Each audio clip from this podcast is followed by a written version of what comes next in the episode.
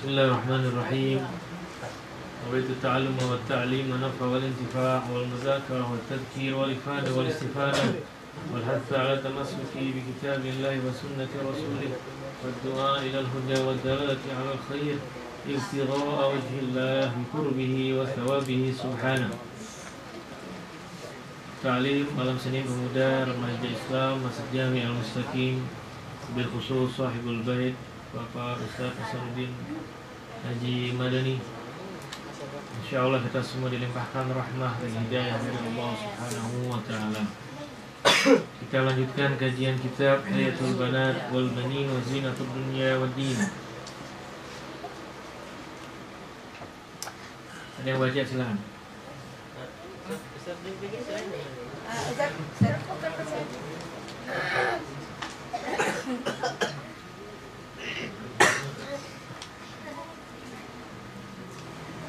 بسم الله الرحمن الرحيم قال المعلم المعلم العلامة وقاضي جمال الدين أساس الإمام محمد بن عمر محمد الفضل من شايبي رحمه الله تعالى وعلينا نفعل بهم وقوم الذي كنت من الأمين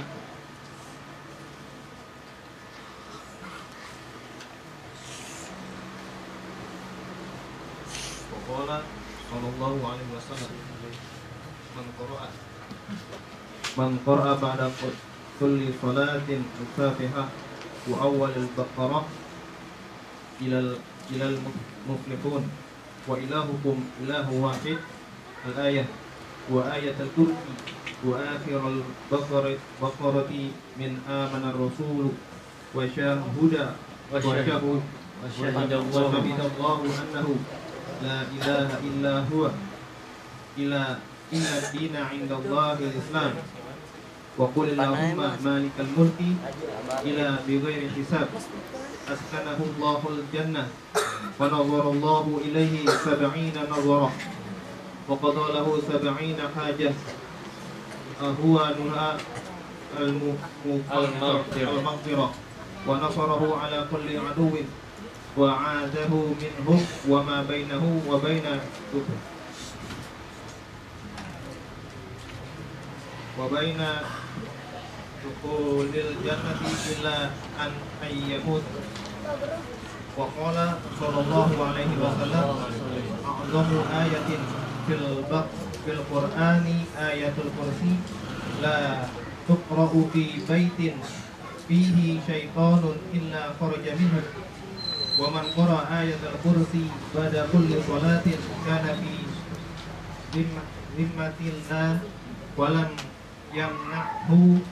من دخول الجنة إلا أن يموت.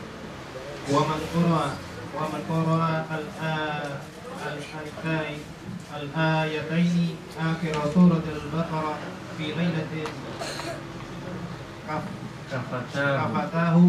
وقال صلى الله عليه وسلم من قرأ قل هو الله أحد.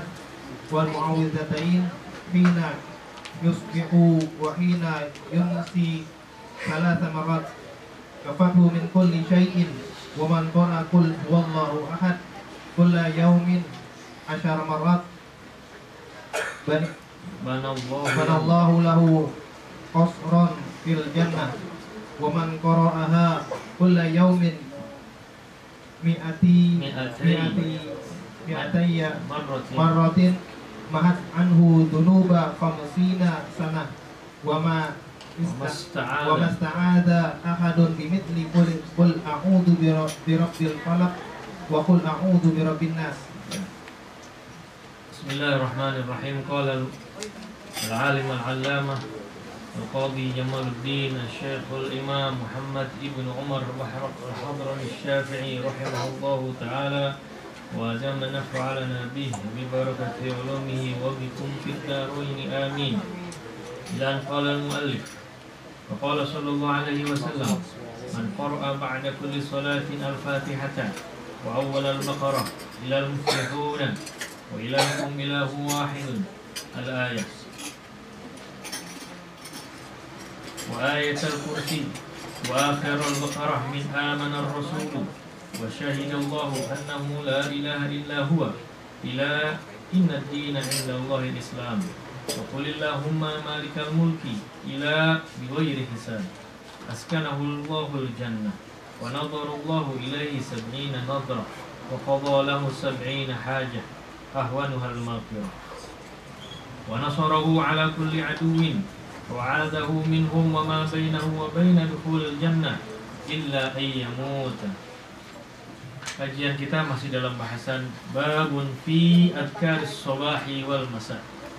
Bab yang menjelaskan mengenai fadilah keutamaan berzikir pagi dan petang. Dalam kajian yang sebelumnya sudah jelas sekali bahwa pengarang kitab ini mencantumkan beberapa doa-doa yang utama sebagai senjata orang-orang beriman di pagi dan petang. Tidak tanggung-tanggung bacaan-bacaan yang dianjurkan oleh Rasulullah dibaca pagi dan petang adalah bacaan-bacaan yang menyelamatkan kita di dunia dan akan menyampaikan kita ke dalam surganya Allah Subhanahu wa taala. Pekan yang lalu kita bahas mengenai Sayyidul Istighfar. Keutamaan membaca istighfar. Rasulullah langsung yang mengajarkan bacaan istighfar ini. Bahkan langsung Rasulullah menamakan istighfar ini dengan bacaan Sayyidul Istighfar ya sebagai pokok utama bacaan-bacaan istighfar dari beberapa sirah bentuk bacaan istighfar. Apa bunyinya? Allahumma anta rabbi la ilaha illa anta khalaqtani wa ana 'abduka wa ana 'ala 'ahdika wa wa'dika mastata'tu a'udzu bika min syarri ma sana'tu abu'u laka bi ni'matika 'alayya wa abu'u bi dhanbi faghfir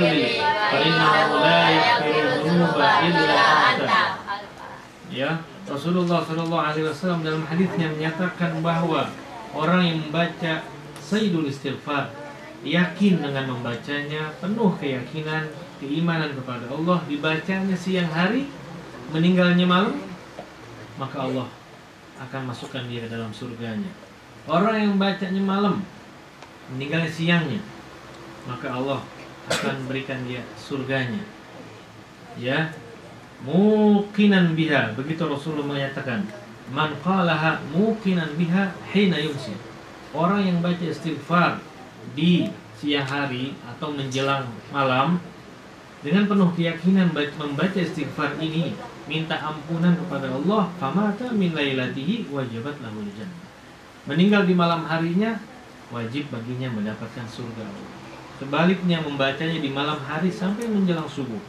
Di pagi hari kita baca bacaan istighfar sayyidul istighfar meninggal siang harinya wajibat lahul jannah nah yang kita baca pada malam hari ini adalah bacaan sholat.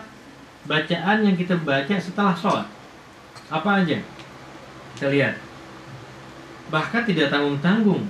Sama pahalanya. Allah sediakan surga bagi orang yang membaca ini selesai sholat dan ini dibaca rutin di Al-Mustaqim Ba'dal Maghrib dan Ba'dal Isya kalau masjid-masjid lain, kalau di daerah Mampang, Buncit, Kemang, Bangka, ini sama. Karena dulu ulamanya sama mengambilnya. Dia mengambil urutan silsilah ilmunya sama. Kalau alam kalau di Riau, Topik sama apa Jambi, enggak? Jambi. Di Jambi. Sama apa enggak? Enggak tahu Mas Nur di kampungnya sama apa enggak? Yang tahu apa namanya? Alam Syah di kampungnya sama apa enggak? Apa bacaannya? Waqala sallallahu alaihi wasallam Rasulullah bersabda Man qara'a ba'da kulli salatin Siapa yang membaca doa ini setiap kali sholat Setelah sholat Pertama Al-Fatihata Ya kan? Ba'dal maghrib Selesai kita baca La ilaha illallah wahdahu la syarikalah Lahul mulku wa lahul hamdu Yuhyi wa yumin wa huwa ala kulli syai'in qadir Itu kita baca berapa kali? Ada yang 10, ada yang 11 ini udah dibahas masa bacaan yang la ilaha illallah wahdahu la syarikalah udah lewat. Bahasan udah lewat. Kemudian apa lagi? Allahumma ajirna minan nar Allahumma ajirna minan nar waskinna ma'as sabiqin ala faradisil jinan terus itu udah lewat.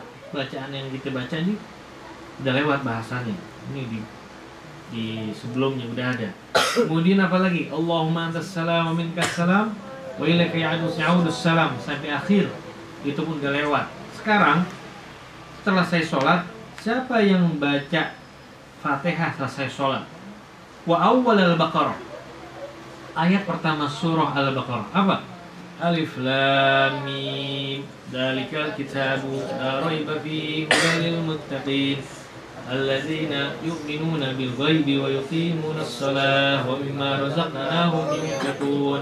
Ini juga dalam susunan bacaan tahlil ada. Sampai apa? Sampai mana? Ilal muflihun.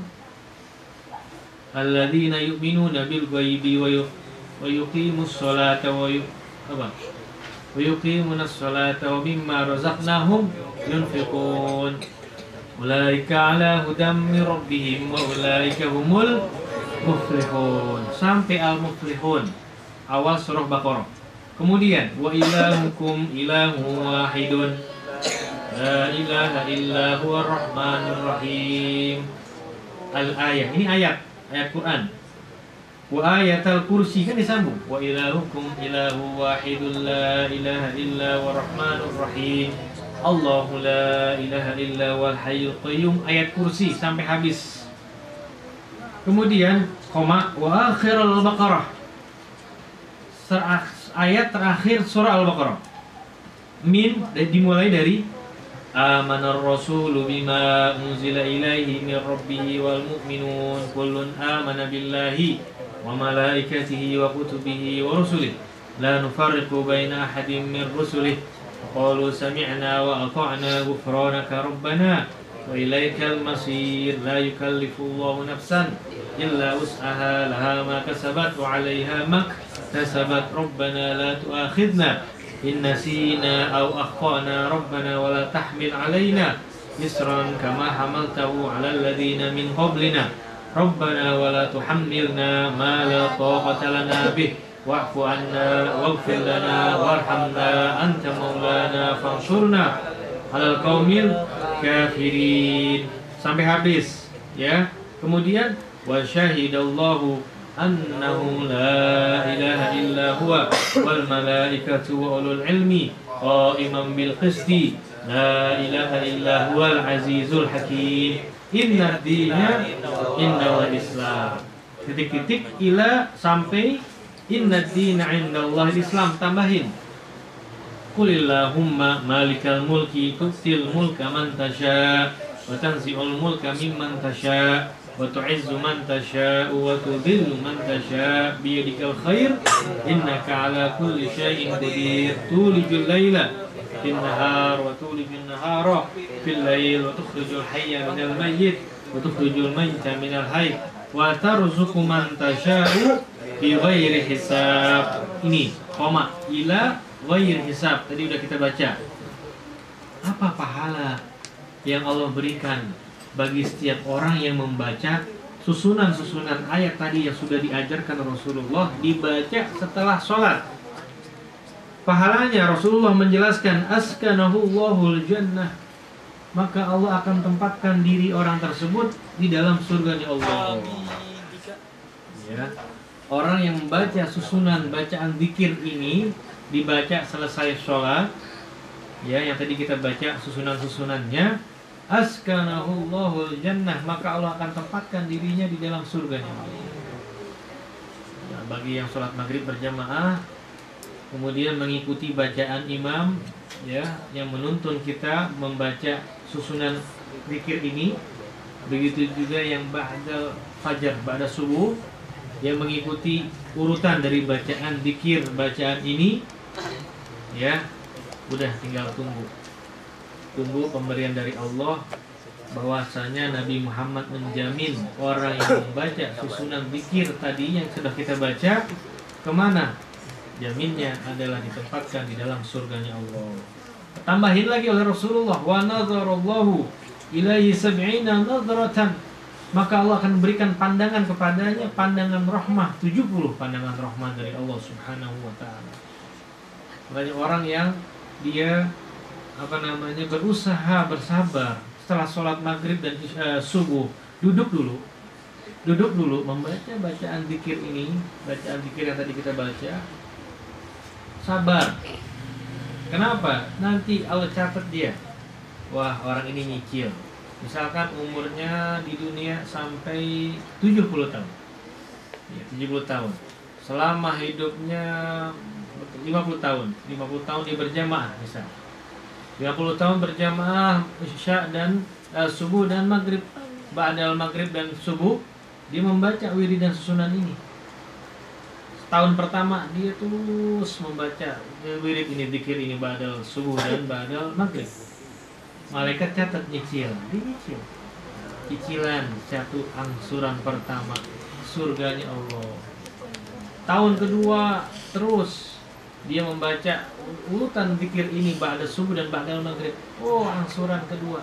Cicilan untuk masuk surganya Allah. Terus sampai 50 tahun sampai akhir hidupnya 70 tahun. Dia membaca wiridan ini zikir ini susunan ini ba'dal maghrib dan ba'dal fajar dia baca ini dia berhak mendapatkan surganya Allah. Dan dipandang 70 pandangan rahmah dari Allah Subhanahu wa taala. Bahkan Rasulullah tambahkan lagi, sab'ina hajatan. Allah akan berikan penuhi baginya 70 hajatnya dia. 70 kebutuhan dia, kebutuhan dunia akhiratnya yang dia minta. Di hari itu dia baca, kemudian diminta pada Allah, ya Allah, minta kebutuhan apa sekolahnya semoga diberikan pelajarannya masuk semua dibukakan pintu hatinya untuk menerima ilmu cahaya ilmu. Ya Allah semoga pekerjaan yang kita lakukan buat nyari mencari nafkah untuk menghidupi diri sendiri untuk menafkahi keluarga semoga semuanya berkah. Ya, itu adalah doa-doa 70 hajatnya.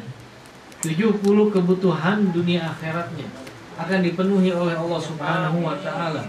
Kenapa? Tadi dia bersabar bersabar untuk membaca wirid dan zikir dibaca ba'dal maghrib, ba'dal subuh. Itu yang sering kita baca. Kalau pertanyaannya, kalau dibaca ba'dal zuhur, ba'dal asar, ba'dal isya bagaimana? Silahkan. Artinya ini bacaan wiridan ini susunan ini setelah sholat.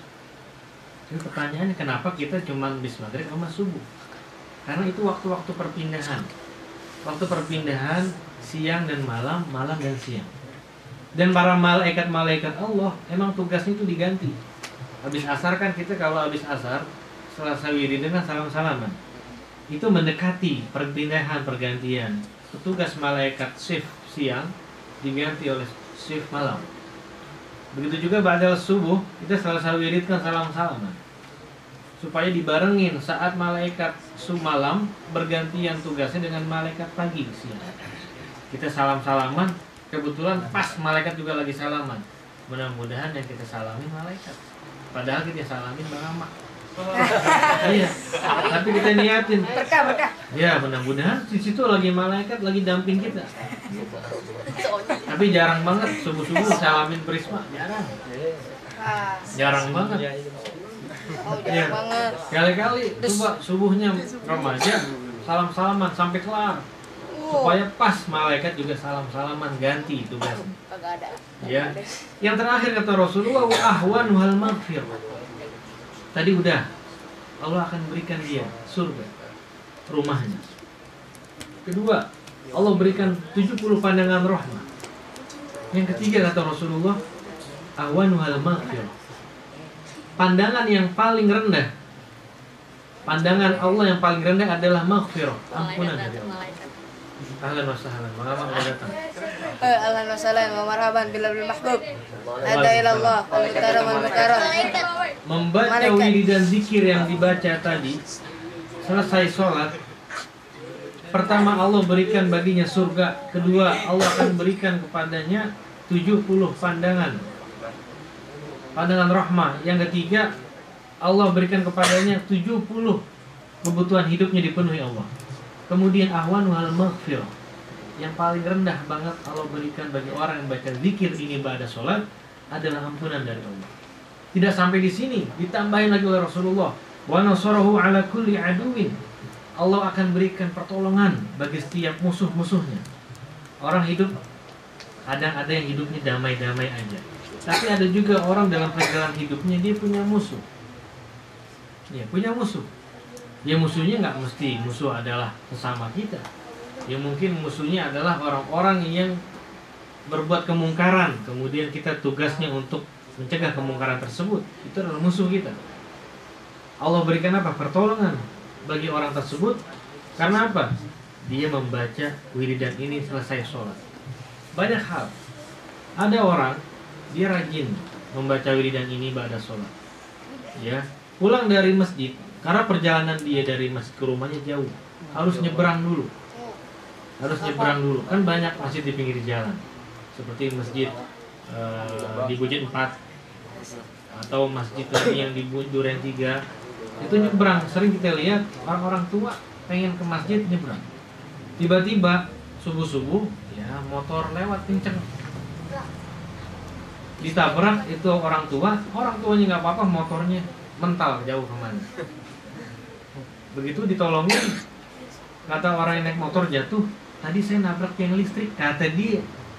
Padahal ditabrak kakek-kakek lagi nyebrang mau ke mas pulang dari masjid. Termasuk pertolongan yang diberikan oleh Allah. Wa'adahu minhum. Selanjutnya Rasulullah menjelaskan orang yang baca wirid dan pada sholat tadi wa'adahu minhum. Allah akan berikan perlindungan. Tadi Allah berikan pertolongan Sekarang Allah berikan lagi perlindungan dari Allah subhanahu wa ta'ala. Ya.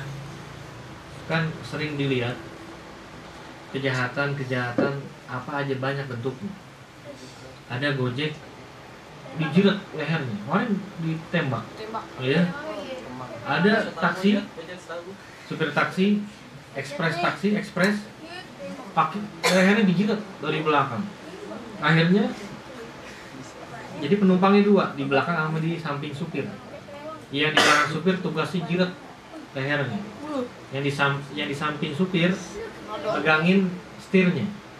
Jadi supaya ntar kalau nabrak gimana? Akhirnya bener sadar ini supirnya langsung membanting setir nabrak tiang listrik.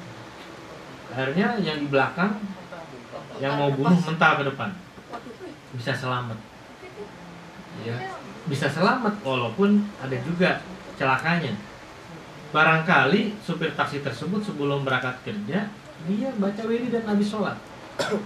Bisa jadi begitu. Ya anak-anak remaja sekolah. Kita nggak nakal enggak cuman ada tawuran kebetulan pakai seragam sekolah mestinya habis pulang sekolah langsung pulang. Ini ngobrol dulu main dulu Habis itu langsung Ya, nyari wifi dulu nyari wifi di mana? Nyari nyari nyari wifi. Nongki dulu nongki. ya nggak langsung pulang. Begitu pulang ketemu gerombolan orang lagi tawuran. Oh, ini dikejar-kejar dia. Eh masuk ke musola masuk musola nggak dipapain. Itu mau barangkali dia tadi baca wiridan habis sholat Wama bainahu. Selanjutnya Rasulullah menambahkan pahala jaminan bagi orang membaca wi- wirid dan zikir pada sholat. Wama bainahu wa baina dukhul jannah illa ayyamut. Ya. Dan tiada yang menghalanginya antara diri dia dengan surga sampai dia meninggal. Untuk masuk surganya Allah nggak ada penghalang. Wiridan pada sholat. Jadi kalau kita pada sholat walaupun tergesa-gesa paling tidak baca fatihah dan ayat kursi.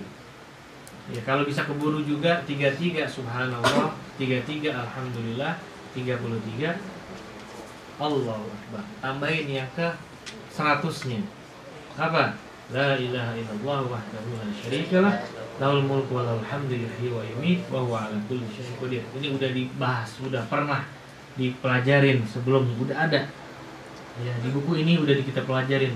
Udah dulu dibaca. 33 subhanallah 33 alhamdulillah 33 Allahu akbar. Wa qala sallallahu alaihi wasallam selanjutnya Rasulullah menjelaskan untuk tarbiyah mengajarkan kita semua. Karena Rasulullah kepingin semua umatnya masuk surga. Kepingin begitu Rasulullah dengan penuh kasih sayangnya rahmahnya kepingin semua umatnya masuk surga. Dikasih jalan-jalan tahapan-tahapannya. Tadi udah bacaan wirid pada sholat. Sekarang apa lagi? Coba. Apa lagi yang kurang? Pertanyaannya gitu. Ente ini udah menjadi umat Nabi Muhammad lahir dalam keadaan beriman dan Islam belajar juga ngaji juga dikasih banyak langkah-langkah menuju surga. Apalagi yang kurang? Pertanyaannya gitu. Apaan lagi yang kurang? Kalau orang tua bilang gini orang tua kamu ini udah disekolahkan. Dari lahir kemudian udah bisa ngomong udah dimasukin ke PAUD udah habis PAUD masuk lagi persiapan di AK kan ada AK persiapan? Ada. Iya. Tanya dah Edo. Ada Alumni. wah persiapan di AK setelah itu masuk pendidikan pemula ibtidai. Selesai itu sekolahin lagi. Menengah SMP selesai SMP sekolahin lagi. SMU tingkat atas. Selesai itu dikuliahkan. Udah gitu ngaji belum kursusnya belum lesnya segala macem udah besar ngelawan. Kata orang tuanya apalagi yang kurang orang tua buat anak-anaknya? Semua udah Wah belum, apalagi motor beliin. Motor apaan? Nmax. Wah beliin. Nmax. Ya, Nmax beliin. Udah dibeliin Nmax. Wah masih ngelawan apalagi kurang belum apa mobil mobil apaan ya Metro Mini apa Max iya ada yang bisa beli Metro Mini ada jadi bisa ada usaha di situ sekarang bisa Uber taksi ada Grab taksi ada ada ada Grab Metro Mini. Iya. Jadi apa yang kurang? Kita umat Rasulullah kalau ditanya apa yang kurang dari Nabi Muhammad semua udah dikasih. Semua jalan, semua pedoman-pedoman hidup udah dikasih oleh Rasulullah. Apalagi? Waqala sallallahu alaihi wasallam. Rasulullah bersabda, "A'lamu ayatin fil Qur'an, ayatul kursi."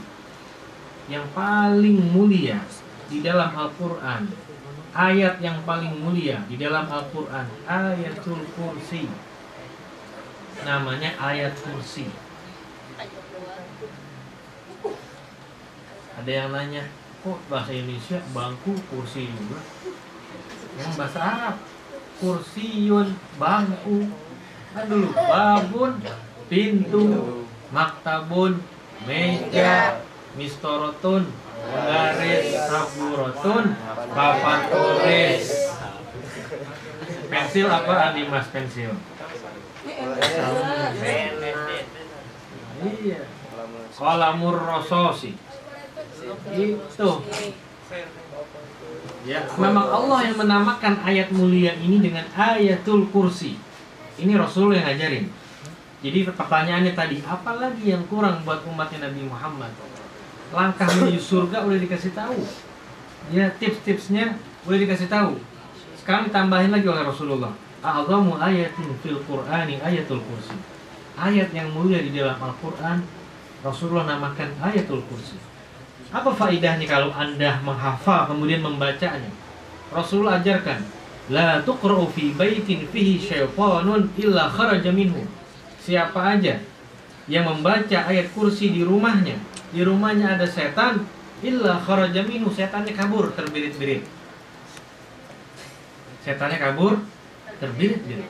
Tahu terbirit-birit? Ngabrit, ngibrit, kabur. Ada yang nggak hafal ayat kursi? Prisma kalau nggak hafal ayat kursi malu, Kemplang paling malu. Ya. Prisma kalau nggak baca ayat kursi malu. Kenapa malu? Lah malah Jumat hadir tahlilan pas. Habis tahlilan maulidan, habis maulidan nampan, habis berempat. Tuh bayangin. Ya giliran makannya lahap. Giliran baca kursinya nggak hafal-hafal. Heran juga. Ya. Padahal sudah dikasih tahu ayat yang mulia dalam Al-Quran salah satunya adalah ayatul kursi. Faidahnya kata Rasulullah, siapa yang membaca di rumahnya ayat kursi, setan keluar dari rumahnya. Makanya diajarkan salah satu pembuka rezeki. Kalau kita masuk rumah, mau masuk rumah dari luar nih, dari mana aja, walaupun keluar setengah jam, masuk rumah lagi, baca Assalamualaikum warahmatullahi wabarakatuh. Sekalipun nggak ada orang, sekalipun orang udah pada tidur, sekalipun kosong. Kemudian Assalamualaikum ayuhan nabi warahmatullahi wabarakatuh. Kita ucapkan salam buat Nabi Muhammad. Kemudian apa lagi? Rabbi adkhilni mudkhala sidqin wa akhrijni mukhraja sidqin waj'alni min ladunka sultanan nasir. Baca lagi. Apa? Kulhu tiga kali. Baca lagi apa? Ayatul kursi. Banyak banget. Ini kan bisa sambilan. Sambil naruh bukunya, sambil taruh tasnya. Ya, sambil duduknya, sambil masuk kamar jalan bisa. Baca ayat kursi. Jadi penghuni-penghuni liar termasuk setan untuk keluar.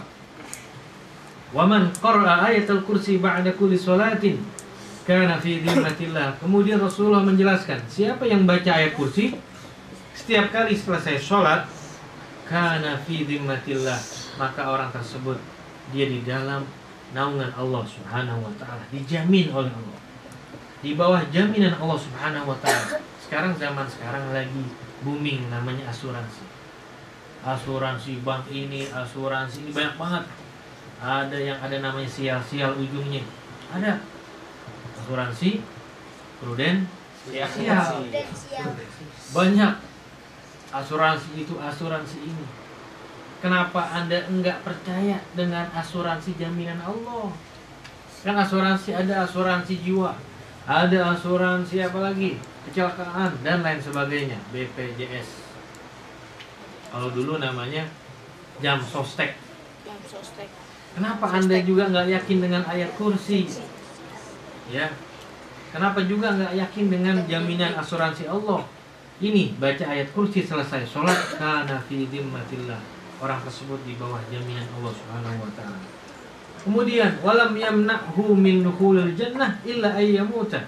Orang baca ayat kursi selesai sholat tidak ada halangan bagi diri dia dan surga.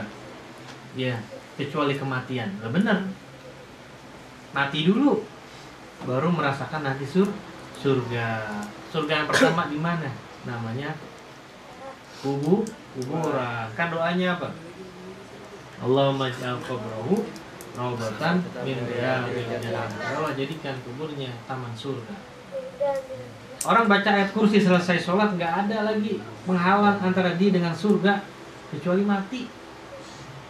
Kecuali mati penghalang ya benar mati dulu rasain dulu surga yaitu taman surga di dalam alam kubur. Syukur-syukur kita semua dijamin Allah semuanya masuk surga. Amin. Dengan mengamalkan doa-doa membaca doa yang tadi selesai so. Selanjutnya Rasulullah menjelaskan wa man qara'al ayataini akhir suratil Baqarah fi lailatin kafatahu Siapa yang baca dua ayat di akhir surah Al-Baqarah dalam setiap malamnya, kafatahu maka Allah akan berikan jaminan bagi dia. Jaminan apa? Ya tadi, jaminan keselamatan, jaminan kesehatan, jaminan juga husnul khotimah. Setiap malam kalau dia baca akhir dua ayat dari surah Al-Baqarah, apa? Nah, apa? Apa? Dua ayat di akhir surah Al-Baqarah. Kan tadi udah dibaca kalau tahlilan. Ah mana rasul. Boleh juga. Lillahi ma fis samawati wa ma fil ard. Wa in tubdu ma fi anfusikum aw tukhfuhu yuhasibkum bihi Allah fayaghfiru liman yasha wa yu'adzibu man yasha wallahu ala kulli syai'in qadir. Baru amana rasul. Tuh Terus sampai akhir surah Al-Baqarah. Kalau kita membaca ayat tersebut di malam hari, kafatahu maka Allah akan jamin melebihi jaminan daripada semua asuransi yang di apa dijanjikan oleh orang-orang.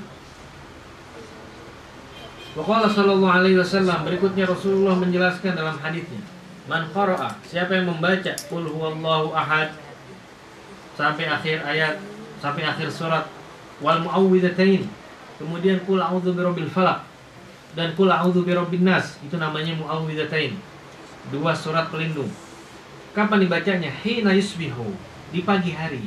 Wa hina yumsiya dan begitu pula menjelang malam. Berapa kali dibaca? Salah tamarrat, tiga kali. Kulhu kemudian muawwidzatain tiga kali. Apa pahalanya Rasulullah ajarkan? Kafathu min kulli syai' Kata Rasulullah orang yang membaca kulhu kemudian muawwidzatain tiga kali maka Allah akan cukupkan baginya setiap segala hal yang kita butuhkan. tapi mintanya jangan yang neko-neko juga. Ya Allah ntar kuliah saya mau pakai Harley Davidson. Jangan yang aneh-aneh juga kita minta kepada Allah kebutuhan. Tapi kebutuhan yang juga artinya yang bisa dimasuk akal kita ya. Kafatkum min kulli paling tidak paling tidak Allah lindungi dari segala hal yang mencelakai diri kita. Segala hal yang bisa menzolimi diri kita sendiri. Kan sekarang lagi lagi ramai lagi di media. Ya mohon maaf nggak perlu sebut namanya kasihan orang hype biar kita tutup. Ya udah lagi rame dibahas LGBT lesbian gay biseksual sama transgender. Ada kejadian. Ya kejadian apa? Kejadian laki-laki mencabul laki-laki. Ya. Sekarang kan lagi zamannya media. Zamannya media begitu cepat. Broadcast begitu cepat. Jadi apa ini sosok orang itu di, di- dibikin meme. Nah rame semuanya. Ya padahal kita sebagai eh, apa namanya orang-orang beriman kita yang menggunakan smartphone kita orang pintar tapi menggunakan smartphone. Ya sudahlah artinya itu dia. Kita tutup. Kadang di apa diedit edit ya dimacem-macemin ya ya kita tahu orang pasti punya kesalahan orang punya hilaf ya mungkin setan lagi menguasai nafsu dia. Setan lagi menguasai syahwat dia sehingga dia salah melangkah salah berbuat. Ya, kita berlindung kepada Allah dengan membaca apa setiap malam? Kulhu dan muawwidzatain qul a'udzu birabbil falaq dan qul a'udzu nas. Dan ini pula kita baca selesai mag maghrib. Baca wa man qara qul huwallahu ahad siapa yang membaca surat al-ikhlas qul hu setiap hari berapa kali? Asyra marrat 10 kali. Banallahu lahu qasran fil jannah. Ini luar biasa pahala yang Rasulullah berikan. Allah akan memberikan baginya istana di surga. Allah bangunkan bagi dia istana di surga. Pernah sering saya jelaskan. Ya Allah, kita kalau di Jakarta jalan, kayaknya nggak habis-habis. Sono bangun apartemen, sono bangun apartemen, di sono ingin bangun apartemen, di sana bangun rumah susun, mewah-mewah. Kita cuma ngelihat kapan kita punya di lantai 10. Di lantai 10 ada kolam renangnya, skyfall. Jadi kita bisa berenang di atas lantai 10. Coba anak Prisma paling banter di Kuningan berenangnya Bulungan. di Bulungan juga ya kadang berenang berenang yang bayar. Eh, sepuluh ribu belum pernah kan berenang di atas lantai 10 begitu kita pengen apa istirahat ngeringin badan kita kelihatan Jakarta. Tuh weh weh gitu. tapi begitu di diajarin Nabi baca kulhu 10 kali. Allah kasih cicilan untuk bangun surga bangun istana di surga tuh nggak we nggak we tapi kalau tadi Berenang. kalau berenang lantai 10 weh Weh. Tapi begitu diajarin sama Nabi Muhammad baca kulhu 10 kali Allah berikan baginya dibangun apa? Istana di surga. Subhanallah.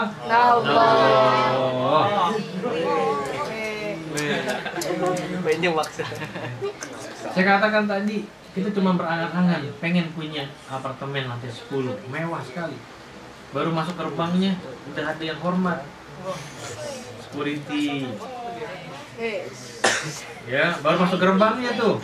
Dibukain pintu, coba bayangin. Bukain pintu. Raja Kalau di surga malaikat Ridwan namanya.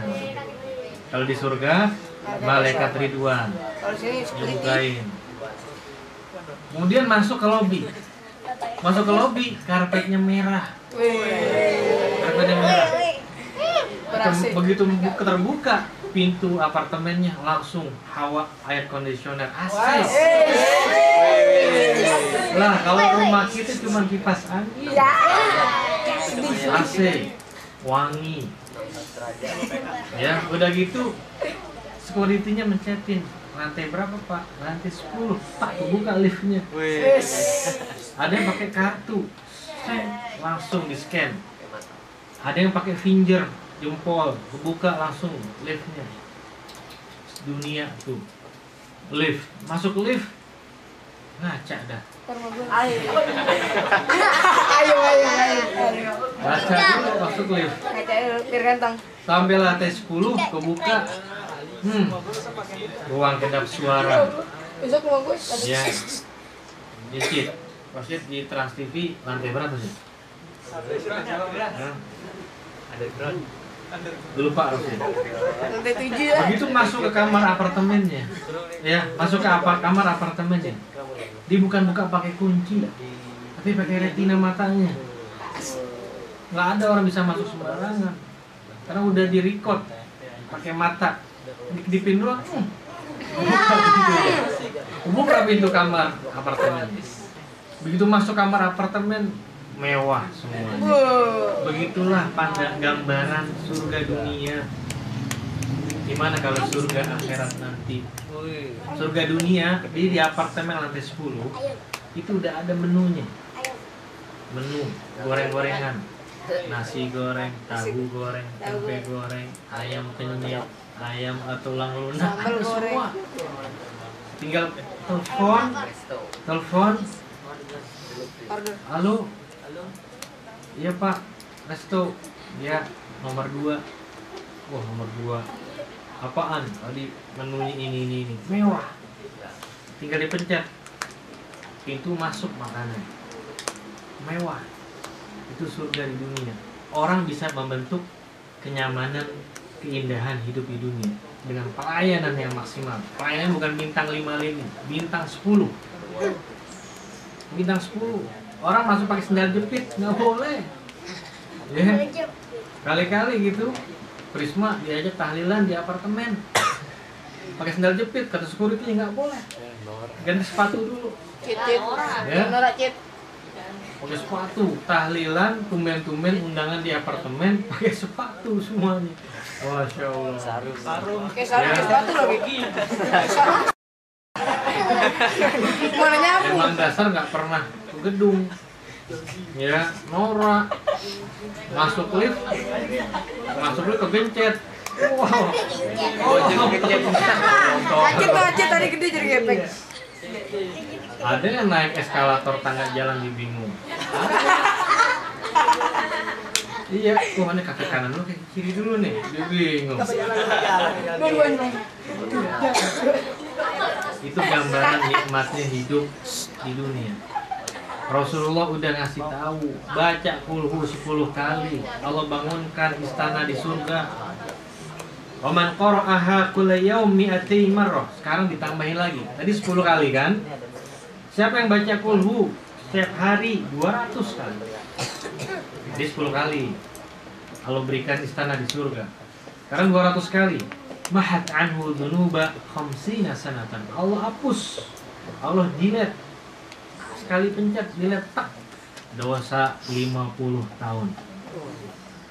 Dosa 50 tahun emang Ali tahu umurnya bakal berapa ntar? Ada yang meninggal tahu nggak? Nggak tahu. Kali misalkan Ali umurnya 100 tahun amin. Misal Amin. Allah. 100 tahun. Setahun. 100 tahun 50 tahunnya Allah ampunin dosanya 50 tahun Allah ampunin dosanya Tiap hari dia baca kulu 200 kali. Sudah pernah ngamalin belum? Baca kulu sehari 200 kali. Amalin Bismillahirrahmanirrahim. Ahad Allahu samad lam yalid wa lam yulad wa lam yakul lahu kufuwan ahad Bismillahirrahmanirrahim Qul huwallahu ahad terus. Baca. Baca kulhu. Tiap hari 200 kali. Terus kita nggak ke mana-mana dong. Di atas sajadah doang Atau di masjid doang. Enggak. Sambil anda aktivitas. Sambil anda bekerja. Sambil anda sedang apa di sekolah. Ya Wah olahraga Apa senam Ma- Masih ada nggak SKJ? Masih ada nggak tuh? Ada gue Udah nggak ada SKJ ya Senam kesehatan jasmani Dulu namanya SKJ sekarang nggak tahu apa nah, masih pocok-pocok mungkin Baca-baca. Ya. irama senamnya jalan tinggalin tapi hati anda baca Kul huwallahu ahad, kul huwallahu samad, lam yalid wa lam yulad, wa lam yakul lahu kufuwan ahad. terus. Ya. Kenapa? Contohnya. Ada yang pernah tahu almarhum Habib Husin bin Umar al Atos Yang gampang aja dah. Yang pernah kita pernah ketemu, yang pernah kita tahu ceritanya atau karena meninggalnya belum lama kan. Dikuburinnya di mana?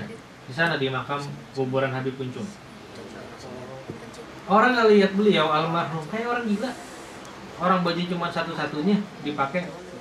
Kainnya pun cuma satu-satunya. Dulu waktu rumahnya di Cawang, duduk di tempat sampah, ngoret-ngoret sampah. Orang nggak tahu kalau dia adalah waliullah. Kenapa begitu? Emang Allah umpetin. Emang Allah rahasiakan sosok hambanya yang Allah kasih kelebihan. Allah tutup. Allah tutup. Jadi orang ngelihatnya seperti orang biasa. Kadang orang ngelihat, ini Habib nggak pernah sholat sholat. Nongkrong doang di tempat sampah. Orang pada ke masjid Jumatan, dia masih nongkrong tempat sampah. Ya, kalau orang yang suzon salah. Ya, orang nggak tahu. Bisa jadi beliau sudah di masjid udah rapi, tapi dengan wujudnya yang berbeda. Ya, dengan wujud yang berbeda. Kenapa demikian? Kelihatan kok dia kagak pernah sholat. Karena orang-orang yang seperti itu, fikuli waktin wahin, setiap waktu yang berge- yang bergerak, yang berputar, dia fi hadratillah. Jadi di dalam selalu menyambung kepada Allah. Kalau kita kan koneksi cuma sholat doang. Kalau sholat kita khusyuk, coba. Tapi kalau waliullah, koneksinya setiap saat. Kalau anda wifi cuma di tempat itu doang hotspotnya. Begitu udah berapa jangkauan berapa meter hilang wifi. Sama kita kalau sholat khusuknya sama Allah cuma sholat, sholat doang. Kalau khusuk, kalau kagak di luar sholat udah nggak fi hadratillah lagi, lupa. Wala wiridan enggak, wala dikiran enggak, lupa. Ya itu kenapa? Ya orang-orang yang diberikan keistimewaan oleh Allah kadang ada ditutup oleh Allah. Allah tutupin rahasianya pada orang tersebut. Selanjutnya, wa masta'adha ahadun bimithli qul a'udzu birabbil falaq wa qul a'udzu birabbin nas. Sama juga orang yang berlindung kepada Allah siapa aja bimithli dengan membaca qul a'udzu birabbil falaq surah al-falaq wa qul a'udzu birabbin nas surah an-nas. Sama juga jadi kalau kulhu 200 Bagaimana kalau kul a'udzu birabbil falaq, kul a'udzu birabbin nas sama juga faidahnya. Sama juga istimewaannya membacanya seperti bacaan surah Al-Ikhlas atau kul huwallahu